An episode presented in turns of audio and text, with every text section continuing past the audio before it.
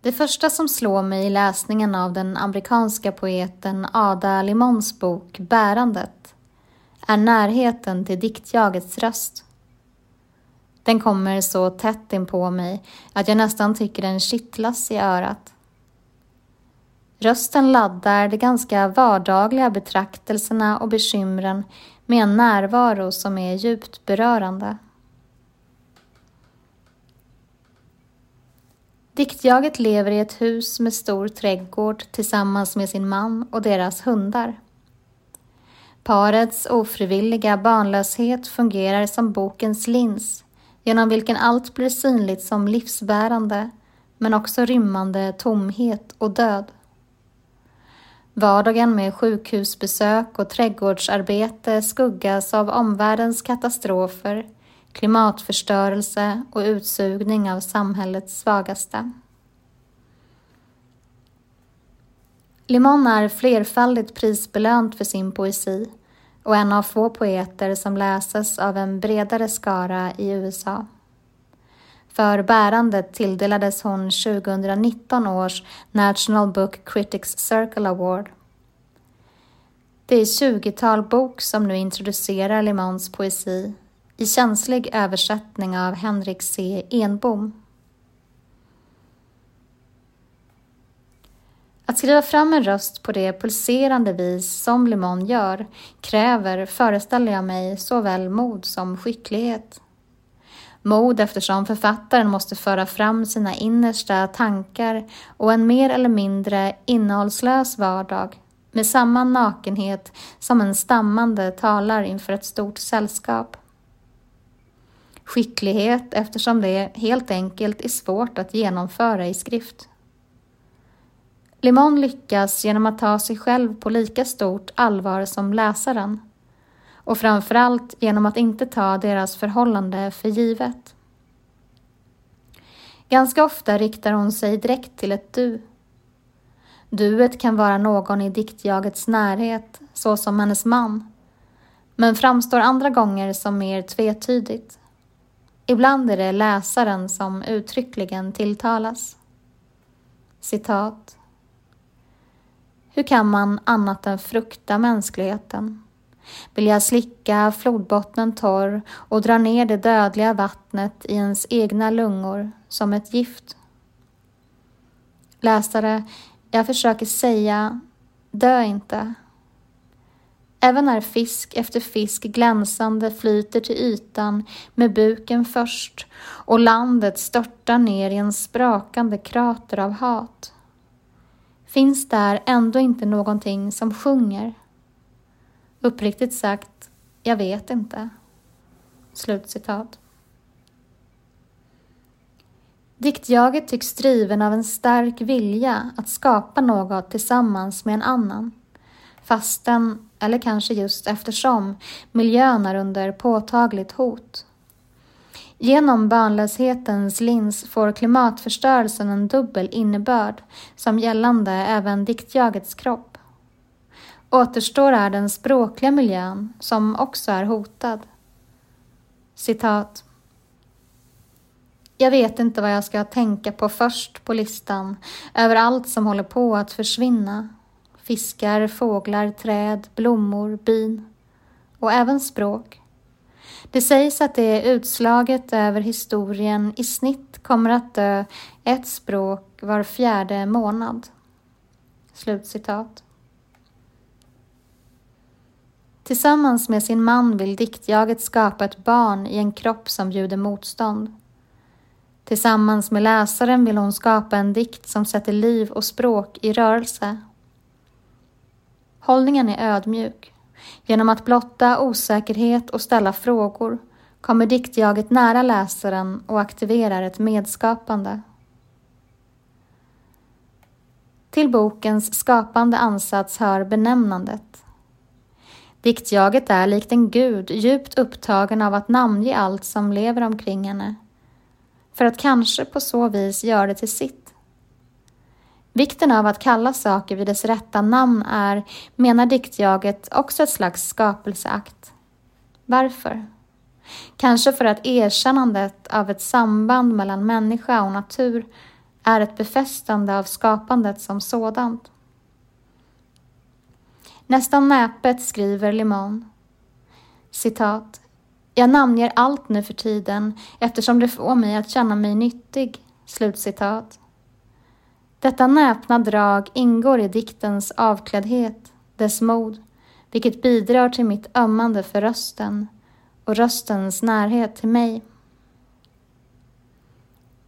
Några gånger glider dikten över i en poetik, en kommenterande reflektion över det egna skrivandet. Citat. Det här är de tre senaste sakerna som hänt.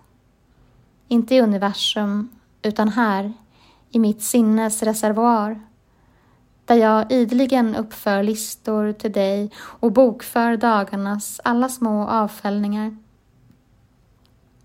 silvrigt dammkorn, skal efter en pistagenöt, hunden som äter en sockerärta. Det blir snart regn. Tunga moln tornar upp sig ovanför, luften likt ett nät i begrepp att tömmas på hela sin fångst. En siren varnar för storm på avstånd. Jag vet att du inte förstår alla gånger, men se bara hur de första våta dropparna träffar stenarna ljudet som trummande fingrar mot huden. Jag rår inte för det. Jag kommer aldrig att kunna sluta göra allting större än det är. Slutcitat. Att lägga ut diktens intentioner kan uppfattas som garderande, som ett sätt att föregå kritik. Men det ömma tilltalet väger upp för en sådan invändning. Här är någon som verkligen är mån om att jag förstår. Limon skriver ett slags brevets poetik. Inte bara eftersom dikterna ofta riktar sig direkt till en annan, utan också för att de tycks tillkomna genom en spontan ingivelse och därför generellt relaterat till händelser i ett närliggande nu. Dessutom är dikternas stil lik ett brev genom sin hopbindande karaktär, där den sista raden i allmänhet fångar upp den första. Lägg därtill den intima rösten som ger tilltalet en dimension av förtroende. I tidskriften Ord och Bilds temanummer Brev skriver Sofia Gräsberg citat. Ett brev är en text som inte vill något annat än att bli läst. På ett inte sällan skamlöst sätt gör brevet allt för att nå sin adressat, komma nära in på sin läsare komma fram, komma in. Det har med distans och distanslöshet att göra. Brevet skrivs i tron om att det jag skriver nu går att läsa, i tron på att det finns en kontakt. Jag skriver det här brevet för att det känns som att jag kan vända mig till dig och för att jag vill känna när orden får saker att hända. Breven till dig är en sorts paus i ensamheten. Samtidigt låter det mig vara ensam med mig själv. Breven handlar om relationen mellan inuti och utanför, men inte som en beröring över huden. Inte ens som galenskap, utan mer som andetag, mer som kyssar, mer som en plötslig, om en snabbt övergående visshet, en darrning. Slutcitat. Gräsbergs text fångar upp det säregna i Limons bok. Det innerliga och varma insisterandet på att nå fram som nästan gränslöst kittlar mig. Men också den stabila tron på att det är möjligt att bli hörd av just mig.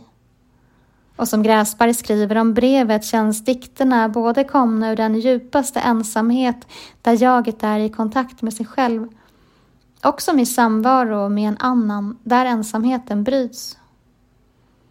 Också andning och darrning är beskrivningar som stämmer väl in. Ofta slås jag av att dikternas rytm påminner om ett kippande efter andan som slutligen fångas upp av ett djupare andetag. Stämman är kraftfull men också orolig, ja darrande. Citat. Har du kunnat sova igen? Jag är hemma bland ängsröet nu en av de platser där min kropp är trygg. Jag kan inte sluta sätta plantor i jorden. Det finns en hunger i mig. Ett behov av att se någonting växa. Slutcitat. Som bokens titel antyder är allt ett bärande i Limons dikt. Bärande av liv eller bärande av mening, tomhet, sorg. Godstågen som idligen passerar genom dikterna är lastade såväl med plast och tegelsten som alkohol och lycka. Stoets mage rymmer ett föl, eller tanken på ett föl. Diktsamlingen antar med sina tre delar också formen av ett kärl, där den första och sista delen främst rör liv och växande, medan mittendelen framför allt innehåller dikter om död, av människor i diktjagets närhet som inte längre finns i livet. Mittendelen blir som en sänka mellan två lite mer hoppingivande sidor. Som helhet hade det kunnat vara en mycket sorgsen bok om den inte präglades av ett sorts saktmod. En trots allt-trygghet som tillåter ett uppmärksamt iakttagande av liv och växtlighet, liksom det långsamma formulerandet av ett meddelande. Citat. Kanske det här brevet försöker säga att om det är rött där du är, tänk då på att också grönt finns. Maskrosornas sågtandade blad, citronmeliss, kranssalvia, mynta, det lilla plommonträdet borta vid skjulet. Slutcitat. Det vore för mycket att säga att Limon tillför en intim röst i svensk poesi. Det finns naturligtvis flera sådana röster hos Ola Julén eller Åsne Elvin för att nämna ett par starka exempel. Men den närgående rösten i deras dikter och kanske den svenska poesin i allmänhet tycks i högre grad utgå från en given smärtpunkt medan rösten i Limons dikter tar utgångspunkt i en förhållandevis trygg och stabil vardag. Ändå åstadkommer hon en liknande vibration i sina dikter. Limons bok hade med sin vardagsmässighet kunnat gå förbi mig. Om det inte var för att det som verkligen bär i dikterna är en röst som får mig att minnas diktjagets vardag. Nästan som om den var min egen.